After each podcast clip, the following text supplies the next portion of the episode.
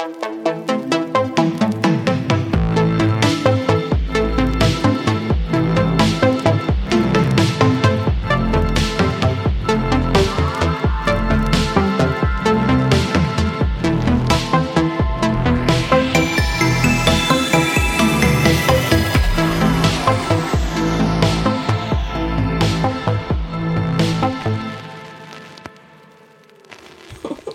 Ebba! Hej Agnes! Välkommen till Häxtimmen. ja, välkommen. Idag har ju vi faktiskt med vår allra första gäst. Hibo, som är med oss idag, eh, har ju jag varit bekant med i ganska många år. Och jag har vetat att hon har haft lite intresse för andlighet. Men just när du och jag, Agnes, pratade om att vi skulle ha ett eh, tarotavsnitt så såg jag på Instagram att Hibo hade startat ett så här, eh, tarot mediumkonto som heter eh, Medium Hibo. Och eh, då tänkte jag att eh, det är väl självklart att vi ska bjuda in Hibo och prata om det här. Och det kändes nästan lite så här synkronicitet, magi. Mm, verkligen. Eh, välkommen Hibo Gulaid Heinold. Tack så mycket, en ära. Men hur skulle du eh, presentera dig själv? Ja, jag heter ju Hibo då, som ni sa. Och eh, jag är född och uppvuxen i Stockholm. Eh, jobbat inom modebranschen i över tio år med, vad ska man säga, PR och kommunikation och marknadsföring. Ehm, har familj, man och två döttrar. Ehm, och har, eh, ja, ska man säga, en annorlunda hobby då. Ja, men precis. Berätta, vad är det för hobby? Ja, men jag eh, håller just nu på att utforska min andlighet. Eh, så jag skulle väl säga att jag är ett medium, eh, men också eh, tarotläsare och ja, intresserad av ganska många olika delar. Vi är så nyfikna på... Dels, vi kommer ju prata rätt mycket om tarot i det här avsnittet. Men också vill vi veta hur du har liksom utvecklat din medialitet. Och hur det började lite. Alltså hur du kom på att du är medial. Mm. Alltså det är en ganska lång och, eh, vad ska man säga, eh, krokig väg. Eh, för jag har nog alltid haft en dragning liksom, till det mystiska och alltid vetat att det har funnits någonting och alltid upplevt och känt konstiga saker. Men jag eh, och också min mamma eh, har liksom varit intresserad av liksom det alternativa alltid. Så jag har också vuxit upp i det. Um, och uh, har en pappa som är liksom troende och religiös och så vidare. Så det har liksom alltid funnits nära mig. Men jag eh, gick väl lite åt ett annat håll och började fokusera väldigt mycket liksom på min utbildning och min karriär. Och var väldigt mycket uppe i huvudet hela tiden. Och tänkte, ah, vad ska man säga, kanske fokusera mer på det externa än det interna.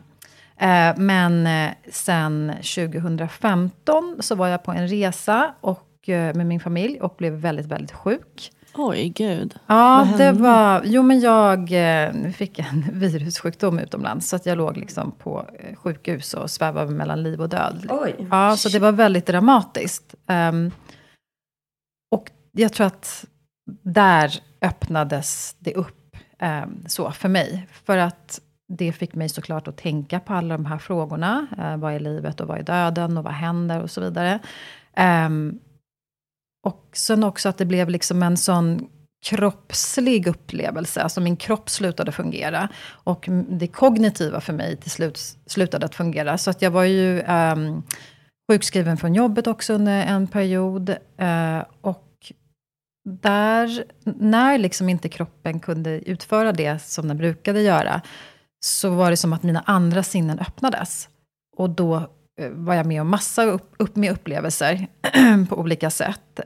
Um, och uh, de blev också väldigt fysiska i världen. Alltså det mm. manifesterade sig på olika sätt. Så att min, min, familj till slut sa så här, nej men vet du, nu får du, liksom, nu får du gå någonstans och ta reda på vad det är som händer här. Och jag kände ju också att, så här, vad betyder det här? Och då började jag med söka mig, alltså googla såklart. Eh, började söka efter olika föreningar som kanske håller på med, med andlig, andlighet och andliga saker. Och gick på en seans, eh, en stor seans här i Stockholm. Eh, och det är ju en, ett medium då som pratar inför en stor grupp människor. Och jag var supernervös och tyckte jag mådde typ fysiskt illa när jag gick dit. Så jag satte mig bakom en pelare för att gömma mig lite. Eh, men det här mediumet då pekade ut mig typ direkt. Mm. Eh, och sa sådana saker som jag, liksom, det totalt golvade mig. Um, och jag tänkte så här, men hur kan den här personen veta att till exempel då min bror är på andra sidan? Eller att jag har känt de här sakerna, eller upplevt de här sakerna som jag inte har berättat för någon annan. Um, och då blev jag intresserad av det. Um, och då var det ju som att en helt ny värld bara liksom öppnades upp med alla de här eh, aspekterna av andlighet och det finns ju så mycket att utforska inom det. Så det, ja. det blev livsomvälvande.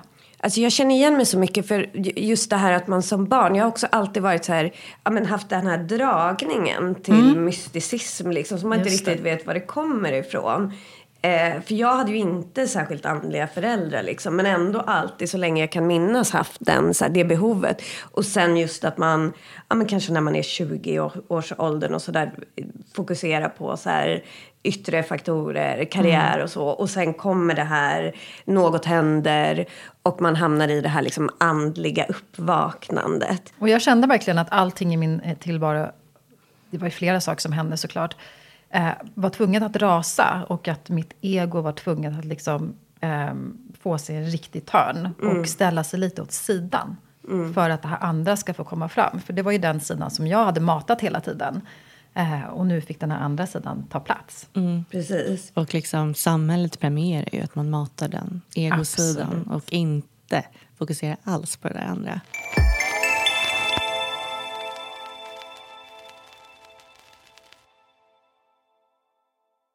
Men nu har ju du precis blivit lite mer öppen med din andlighet. Eh, på Instagram bland annat. Hur var det att ta det steget? Det, var, det, det är ju egentligen eh, en process som har hållit på i flera år. Um, så jag har hållit på med det här nu i eh, drygt fyra år. Uh, men har ju liksom det var väldigt privat och väldigt personligt för mig. Och innan jag förstod och liksom kunde definiera för mig vad det betydde. Um, men också det här stigmat av att hålla på med det jag håller på med. Um, jag var liksom inte redo för det. Men uh, ju mer jag har jobbat med det och i och med att jag håller på att certifiera mig som medium så behöver jag liksom ha in klienter och träna på och så vidare.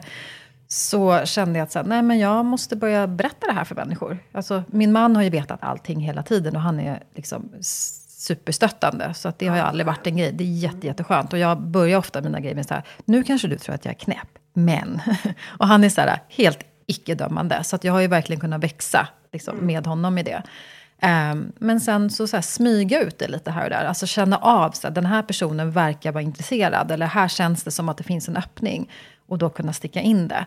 Mm. Uh, men nu har jag också liksom landat i mig själv att så här, alltså jag måste stå i min egen sanning. Alltså jag kan inte låtsas vara någon annan som jag inte är. För att, för att det blir obekvämt för någon annan. Eller för att någon annan ska tycka någonting.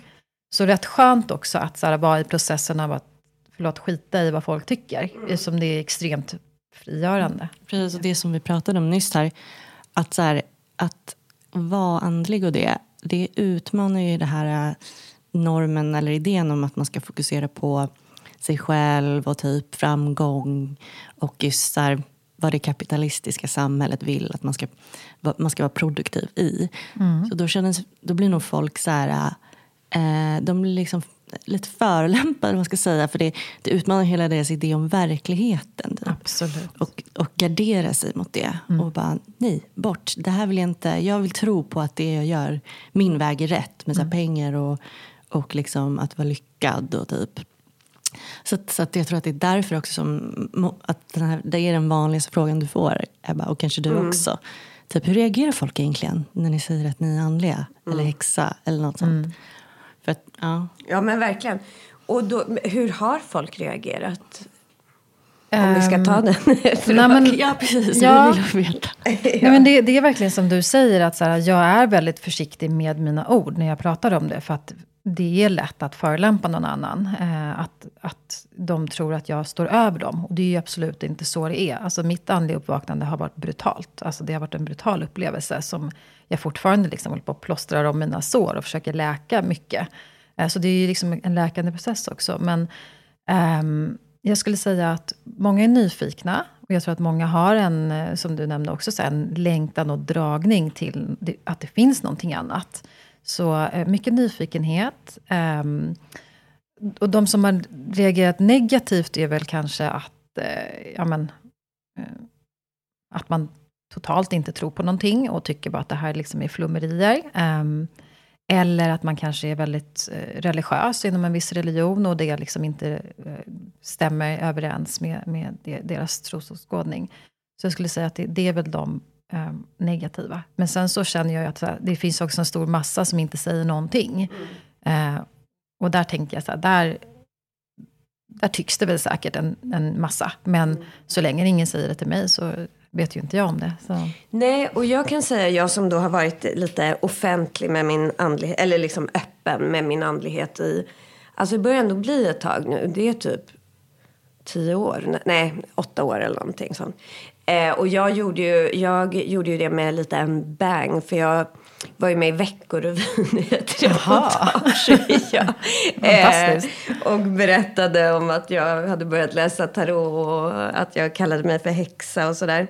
Eh, och eh, jag var ganska rädd, alltså, eller så här, inte privat var jag inte så jätterädd för alltså, så, vad folk skulle tycka. Men jag var rätt rädd för jobbkontakter, alltså vad de ja, skulle tycka. Ja, och där har jag blivit så förvånad. Det, så här, ett, någon fåtal gånger, men det är liksom kanske en gång, så har det hänt att det har blivit någon liksom, negativ re reaktion. Eh, men jag har fått så mycket positiva reaktioner. Mm. Men då jobbar jag ju också, men det gör ju du också egentligen, man jobbar inom en kreativ, jag jobbar mycket med film och kultur och så. Och där är kanske folk generellt lite mer liksom, accepterande. Men eller öppna själva och intresserade. Men jag har fått så spännande eh, liksom, eh, saker som har hänt mig genom det och kontakter genom det. Typ, en filmproducent som jag jobbar med, hon blev så här skitpeppad och bara, vi måste göra en ritual. Så, så här, hon och jag åkte ut eh, på natten natten i Blekinge stod vi en å och gjorde en så här ritual för filmen. Ja, ja gud vad underbart. Ja. ja, men det är så härligt. Och typ nu jobbar jag med en äldre man som är ganska känd filmregissör som ringde mig och bara, ah, jag såg att du håller på med tarot. Jag har själv varit jätteintresserad av tarot och ville tipsa om böcker och så här. Så att det blir väldigt mycket saker som man inte kunde vänta sig mm. som händer och man, får, man kommer närmare folk. För det öppnar på något vis direkt någon dörr till saker att prata om och liksom att förstå varandra på ett djupare plan. Liksom. jag tycker att det finns en parallell till typ ett feministiskt uppvaknande. Bara för så här länge sedan, eller inte för så länge sedan snarare, så var ju feminist ett skällsord. Mm. Och jag kommer också ihåg att, att så här, ja, men, folk har varit så här, men tona ner, tona ner feminismen. För att eh, alltså då är man ju obekväm i ett Precis. rum. För att man liksom utmanar den här uh, maktstrukturen typ. Men nu kan man ju se på feminismen att den har, alltså folk har bara blivit så öppna för det. Ja, eh, man vill snarare. Ja, i, alla, alltså, i alla fall liksom, nya generationen. Mm. Så att det, jag tror att det är alltså, exakt samma sak som sker, kommer ske med andlighet nu. Mm, mm. Och det finns ja, precis, en feministisk aspekt på det också. Så att mm. det kanske måste komma först och sen liksom, hittar man vidare. Jag tror det, för andlighet är ju också på något sätt att så här, acceptera sig själv och sina precis. brister. Och det blir ju som nästan en så här revolutionär alltså handling mot vårt samhälle som hela tiden vill att vi ska vara missnöjda med oss själva och förbättra oss själva och sådär. Men jag, jag, tror, jag håller helt med. Jag, jag, tror att det är det som är vägen framåt. Och jag tror att många är nyfikna och känner också ett behov. Och precis som, som vi var inne på här, att det, det är ju en revolution för mig. Därför att det handlar om att titta på mig eh, och eh, lära känna mig och liksom min ande och själ. Mm. Och det, alltså att titta sig själv i vitögat så, det är ju inte helt enkelt såklart. Men det är alltså för mig en revolutionär handling. Därför att jag, det är så mycket som jag har skalat bort i mitt liv. Som jag tänker så här, hur har jag kunnat göra det här? Hur har jag kunnat liksom agera på det här sättet? Eller tycka på det här sättet för att bli accepterad av någon annan? Mm. Så att det, det är verkligen så. Um, och sen så uh, var jag också mycket i att tycker att det var lite obehagligt liksom inför kollegor och så. För jag tänker att oj, men gud, nu tror ju de inte att jag är så intellektuell eh, längre. Mm, liksom. Som att min utbildning och hela min liksom, arbetslivserfarenhet inte skulle gälla. Bara för att jag då också råkar tro på livet efter döden eller att det finns en själ. Men det, det, det, det tog en flummare. Ja, en flummare. Mm. För jag tyckte ju också så här, ah, men det, ah, såna där, de är bara flummare. Och nu är jag en flummare, alltså mm. proudly. Ja. Låt mig säga. Men, eh, men så det fanns någonting där, liksom att jag tänkte att, men gud, nu kommer folk tycka mindre, att jag, att jag är en mindre person. För att jag också är det här. Mm. Och det var också så himla lustigt när du kontaktade mig. För att, att gå ut på Instagram och, och, liksom, och vara officiell. Alltså det var ju som vånda. Och till slut var det bara så här, nej men, nej men nu gör jag det bara. Mm, alltså nu mm. måste jag bara liksom våga liksom, riva av plåstret bara. Och så la jag upp det. Och sen två dagar senare kontaktade du mig. Ja, och, då, och då det, kände jag lite äh... så här, okej. Okay, Typ, jag hör dig. Ja, men det är synkronicitet på ja. något sätt när man väljer att göra det. För så har det ju varit för mig genom de här åren. Jag har fått så mycket nya vänner, eh, liksom gjort spännande grejer. Mm. Men den roligaste sån, alltså förvåningen jag har fått, det var ju när jag var på följde med min pappa på en middag på Villa Manilla som Bonnier har, en sån författarmiddag. Och det var alla, var, det var en familjevän till oss då som eh, hade middag där. Och eh, alla var väl liksom 85 ungefär och, och jag. ja, folk trodde dessutom att jag var min pappas nya fru. Härligt. Ja, så det var lite... det är väldigt talande för crowdet där. Liksom. Men jag hamnade i alla fall till bords med fem äldre herrar. Som alla var professorer. Mm. Eh, och eh, då så, en då jag hade till bordet. Eh, han, jag vet inte faktiskt hur vi kom in på eller började prata om det. Men han visade sig, han var då professor i eh, ekonomi om jag minns rätt. Eller någon sån här. Och han började viska till mig bara. Eh, jag går på jättemycket seanser och så här, jag är jätteintresserad. Och så sa han bara, Älskar. men du får inte säga det här till Nej. de andra, de förstår inte. Nej. Men det slutar med att han liksom skriver ner sitt nummer på en liten lapp och ger till mig och bara, kan ringa mig ifall du ska ha någon sån här seanser eller någonting.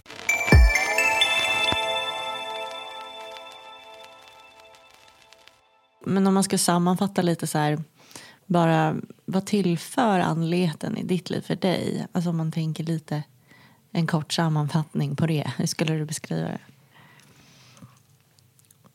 Att ha en närmare kontakt med mig själv. Um, både liksom till min ande, men också till mitt ego. Alltså det, det är en dans mellan de två hela tiden.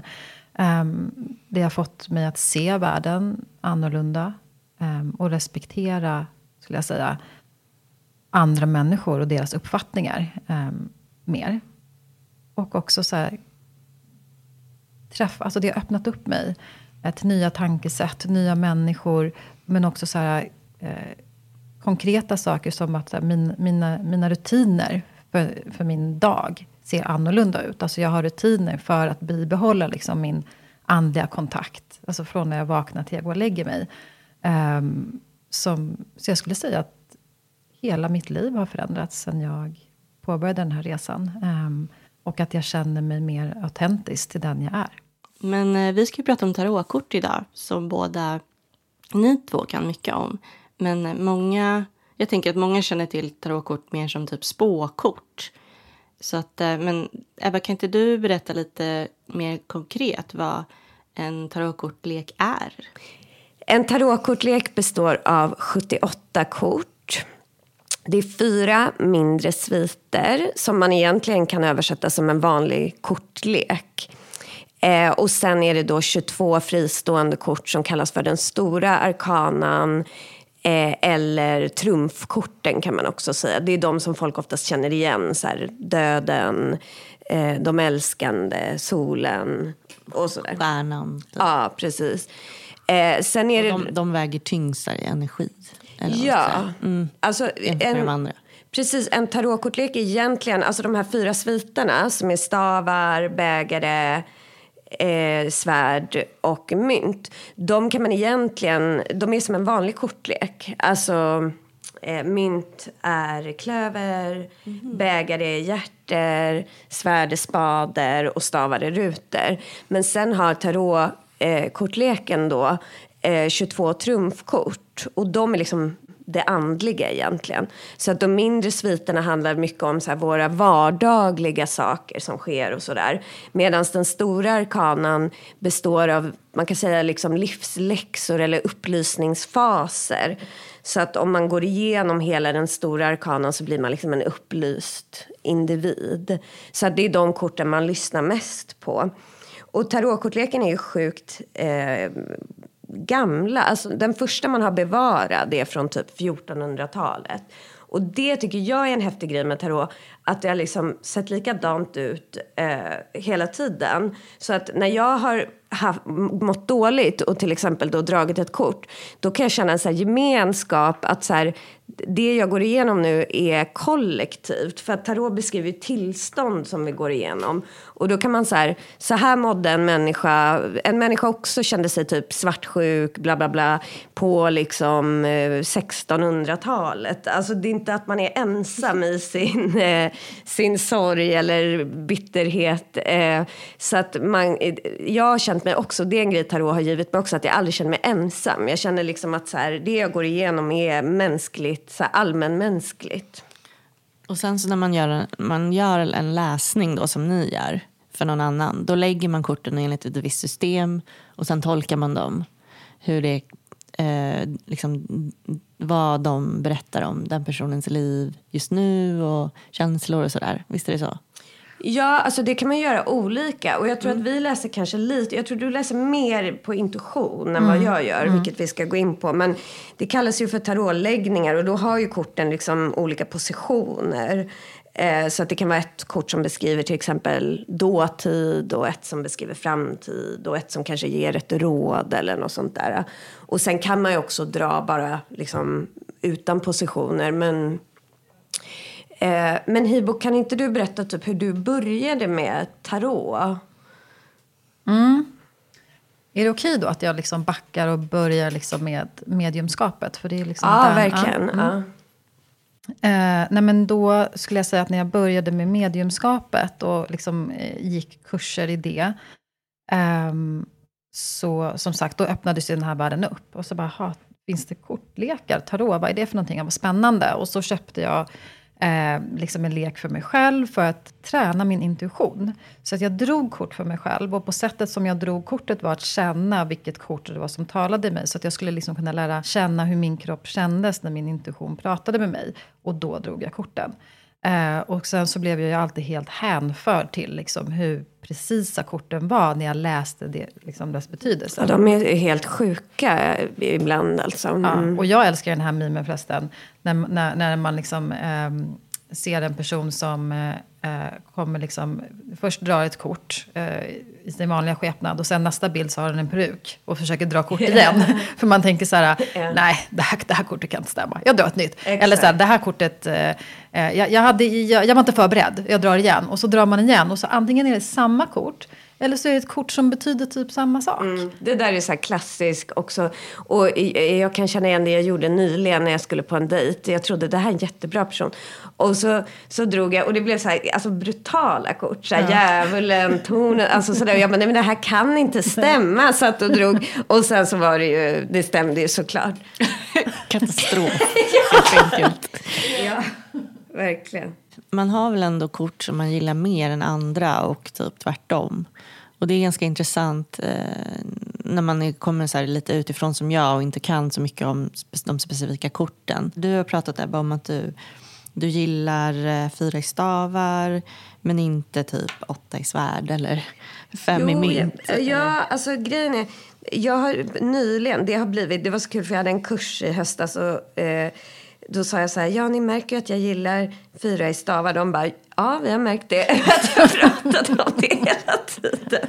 Men det är bara senaste tiden. För att det har givit mig så här positivt. För man får ju också en liksom personlig relation till kortet. Alltså att det, det har visat positiva saker för mig.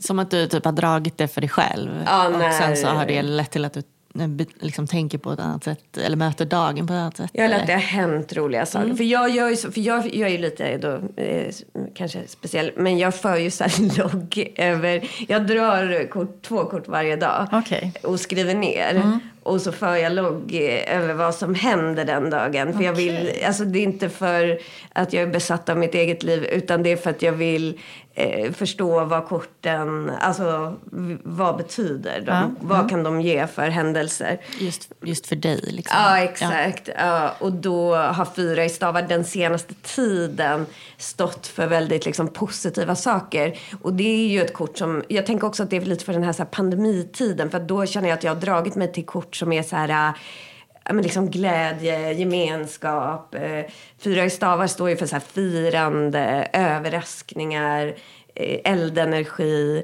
Också så att gå från något in till något bättre. Alltså det är en portal liksom på kortet. Så att det har varit mycket så. Men sen så här, mitt traditionella favoritkort har ju varit så här, eh, stjärnan som är ett av mina födelsekort. Men jag har inte känt mig så dragen till det nu. Det är väl då för det här liksom, att allt har varit så stillastående. Men åtta i svärd som du nämnde. Det är faktiskt ett kort som ju har, alltså ofta då, det är inget kul kort att se. Liksom grundmotivet är en kvinna som står liksom fastbunden och runt massa svärd. Men jag tycker att det är ett ganska bra kort för att det är ett sånt kort som mer det visar inte saker som ska hända riktigt utan det uppmärksammar mig på mig själv. Mm. För det handlar ju om så negativa tankar och att man stänger in sig själv och begränsar Precis. sig själv. Ja. Mm. Så det har jag med, när jag ser det blir det mer för mig, okej okay, nu ska jag eh, tänka på ett annat sätt eller ta mig ur exakt, den här situationen. Exakt. Jag håller helt med. Alltså själva kortet när man får upp det tänker man, ja ah, jäklar. Mm. Men man vet ju om också att det stämmer. Mm. Men, men det som jag ser, som du säger, är så möjligheten. Att här står jag och tror att jag inte har några möjligheter och att det här är det som, som är min giv. När det faktiskt finns en annan väg bakom mig. Bara jag liksom Ja. Bara, bara jag tittar på något mm. sätt. Bara jag liksom öppnar upp mig och expanderar så finns det andra möjligheter. Så jag, jag tycker också att här, det finns mm. så mycket positivt i korten. Även fast man kanske till en början tänker att så här, nej, jag vill inte ha liksom, svärd i ryggen. Vad betyder det? Ja, men och det kortet har jag faktiskt en övning, så här, här mental övning som jag brukar ge till klienter. Eh, som man märker alltså har väldigt negativa tankar och sådär, för de får ju ofta upp det. Mm. Eh, att eh, se sig själv, alltså visualisera sig själv i den positionen, alltså stå omringad av svärd. Att man tar av sig den här ögonbinden, eh, flyttar på svärden, mm. går därifrån till någonting mm. bättre. Så man kan göra det som en liten så här, uh, tankeövning liksom. Men har du något favoritkort, Tibo, för tillfället? Då? Ja, för till, eller, ja, det har jag nog. Eh, jag gillar ju stora arkanan för att det känns lite mystiskt och liksom, mm. ja, de här universella principerna och så. Att jag inte är så jätteintresserad av de här världsliga sakerna. Eh, men eh, de är ju väldigt hjälpsamma i min vardag tycker jag. Mm. Eh, men det kortet som jag verkligen har, som jag, eh, jag, blir, jag blir glad av det, det är eh, narren. Mm, mm. Äh, som, ja. Mm, den låter jo, kul. men det måste jag säga att i början när jag läste tarot var det absolut med ett av mina favoritkort. Men för jag vet flera som har i början av mm. sin tarotresa varit så här att man bara vill ha narrens energi. Ah, och att det också är ju lite speciellt för att Stora arkadan kallas ju för narrens resa. Att man, liksom, man är narren och så ger man sig ut på den här andliga eh, upptäcktsfärden. Ja men precis, det kunde jag känna i början, verkligen ja. den. Men jag tyckte också att narren var ett superläskigt kort. Mm. Därför att han är ju glad i hågen och tänker gud vad livet är härligt och spännande och nu ska jag ge mig ut på det här. Och sen så att liksom ena steget är över eh, stupet. Och det skrämde mig. mental sjuk kan man säga. Men det symboliserar ju något annat. Ja. Mm. Eh, så då skrämde det mig i början. Men nu är jag mer... Jag känner att det där kortet för mig nu handlar om att överlämna mig. Alltså att bara ha tillit till det som händer. Att förstå att jag kan inte kontrollera allting. Och så här, nu är du på jorden, gör, gör det bästa du kan, eh, lär dig så mycket som möjligt, var glad i hågen och bara våga ta steget och bara lita på alltså, att det som ska hända händer. Och det innefattar både mörker och ljus. Alltså för att jag var så, som du också säger, var så fokuserad på det ljusa och jag upplever också den här liksom västerländska spiritualiteten och moderna liksom, kanske new age-rörelsen också är väldigt fokuserade på att alltså, andlighet är lika med framgång, lycka och liksom, ja, men det är success stories bara. Eh, men mörkret är ju en del av livet hela tiden och det är ju mm. där vi också växer väldigt mycket som människor. Um, så för mig är narren det, att våga leva fullt ut och ha, våga, ha, våga tro att det finns något större och det finns en mening med allting. Även om jag dör imorgon ja, så exakt. fanns det en mening med det. Och att det inte var någonting negativt. Alltså i min andliga resa. Sen kommer ju folk bli ledsna såklart. Så. Mm. Men um, att, att förstå det tror jag att narren har gett mig. Det ja, vad fint. Mm. Mm. Och han ser glad ut. Ja, exakt. Han är lycklig. han är glad. Ja, ja, jag känner igen mig. Att ibland, jag kan titta tillbaka på perioder i mitt liv och bara, gud, jag var verkligen... Alltså då känns det som att jag var en narr som bara hoppar runt. och så kan jag skämmas lite för det och bara, åh, gud, varför gjorde jag så där? Och vad, vad, vad hände där? Och jag skulle hålla på med ta, göra piercings och jag vet inte vad. När, mm. Kanske kris, eh, liksom tid. Mm. Um, men att precis att den ändå har gett mig någonting. Och jag kanske inte ska gå runt och tycka att det var så himla farligt för att jag, jag körde på ett annat spår just då. Exakt. Som mm. kanske ledde till att jag kan titta tillbaka på det och förstå vart jag ska liksom, gå nu och inte. Typ. Mm. Ja men precis, för att det är ju liksom, och det pratar vi också mycket om i mediumskapet, att så här, för att jag ska på ett bästa sätt kunna läsa av en annan människa och förstå den personens erfarenheter så krävs det att jag har mänskliga erfarenheter. Och om jag var en person som bara hade gått liksom ett rakt spår och allting var eh, sockersött och superhärligt så skulle jag aldrig kunna förstå djupet i andra människor. Nej, exakt. Så att ju mer erfarenhet man, man samlar på sig av att göra lite alla möjliga olika saker i livet, mm, galna mm, mm. och som eh, liksom, eh, vanliga, eh, tror jag bara är det är livet som man, man testar sig fram. Och det är som sagt som du sa, så narrens väg genom hela, mm. eh, genom mm. alla korten.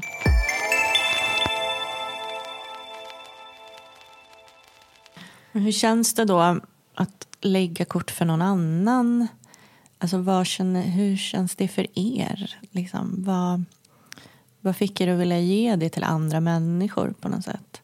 Jag tror att en del liksom i mitt eh, uppvaknande är också att jag har en vilja att liksom vilja ge tillbaka på ett annat sätt. Alltså förut var jag så upptagen i mitt mitt och jag skulle göra det här och jag skulle växa det där och skulle bli bra på det här. Men nu handlar det för mig också mycket om att okej, okay, jag har den här gåvan eh, eller talangen och jag jobbar hårt med den och utvecklar den och jag vill liksom ge tillbaka. För det är det som fyller mig med varje läsning eller varje eh, person som kommer till mig och vill träffa någon från andra sidan. Det är liksom just att jag kan lyfta dem. Um, att jag kan ge dem hopp eller att jag kan ge dem uh, glädje eller kärlek. Och det, den känslan för mig, liksom den, den uh, absoluta. Att jag känner att jag har hjälpt någon. Uh, mm. Så. Mm. Ja, alltså för mig, för mig började det lite sådär för att jag eh, jag har ju läst kort egentligen jättelänge men jag tog upp det på nytt liksom vid, ja, för åtta år sedan eller någonting. Och då var jag väldigt sådär... Uh, ja, men då blev det så att jag läste för kompisar och folk på, ja, men på fester faktiskt egentligen. Sådär. Jag bara, ah, kul liksom. Men så fick man så himla att alla bara, men gud. Och att, alltså att folk kände att det stämde och kände igen sig. Men också att jag kunde se, för allt vågade, jag vågade inte säga allt jag såg i korten. Men jag kunde se till exempel att de, hon kommer så här, göra slut med sin kille eller sådana saker. Men så sa jag kanske inte riktigt för man vill inte på en fest, eh, alltså eh, förstöra festen.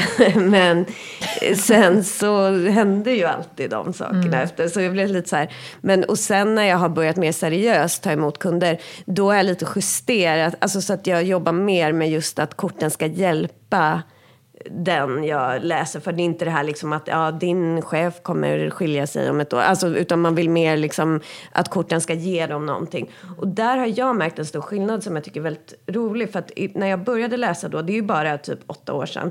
Då var folk mycket mer, de ville bara veta liksom, kommer jag få det här jobbet? Kommer jag ja, men så här, kommer jag bli rik ungefär. Men nu är det helt annat. Att de som kommer till mig vill så här, eh, ja, men de vill bjuda in korten i sitt liv. För jag ger dem ofta uppgifter med varje kort om det är något de behöver liksom jobba med eller sådär.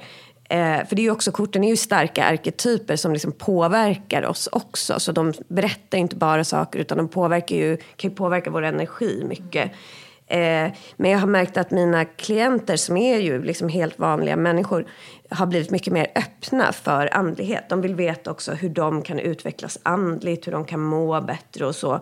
Mycket mer än vad de just vill veta, kanske så konkreta saker som ska hända dem. Mm. Jag håller verkligen med om det och jag tycker också att det är en superviktig aspekt. Alltså, och, och någonting som jag har tagit med mig från, det, från mina lärare som jag har, är just att så här, ja, men det vi fokuserar på som människor växer ju. Så om jag som tarotläsare kanske ser massa saker, eller när jag läser av någon i psychic, då jag, jag kanske ser massa saker. Men det handlar ju också om vad jag väljer att kommunicera och vilka ord jag väljer att använda. Ehm, Exakt. Um, för att menar, annars blir det en självuppfyllande profetia hos den andra personen.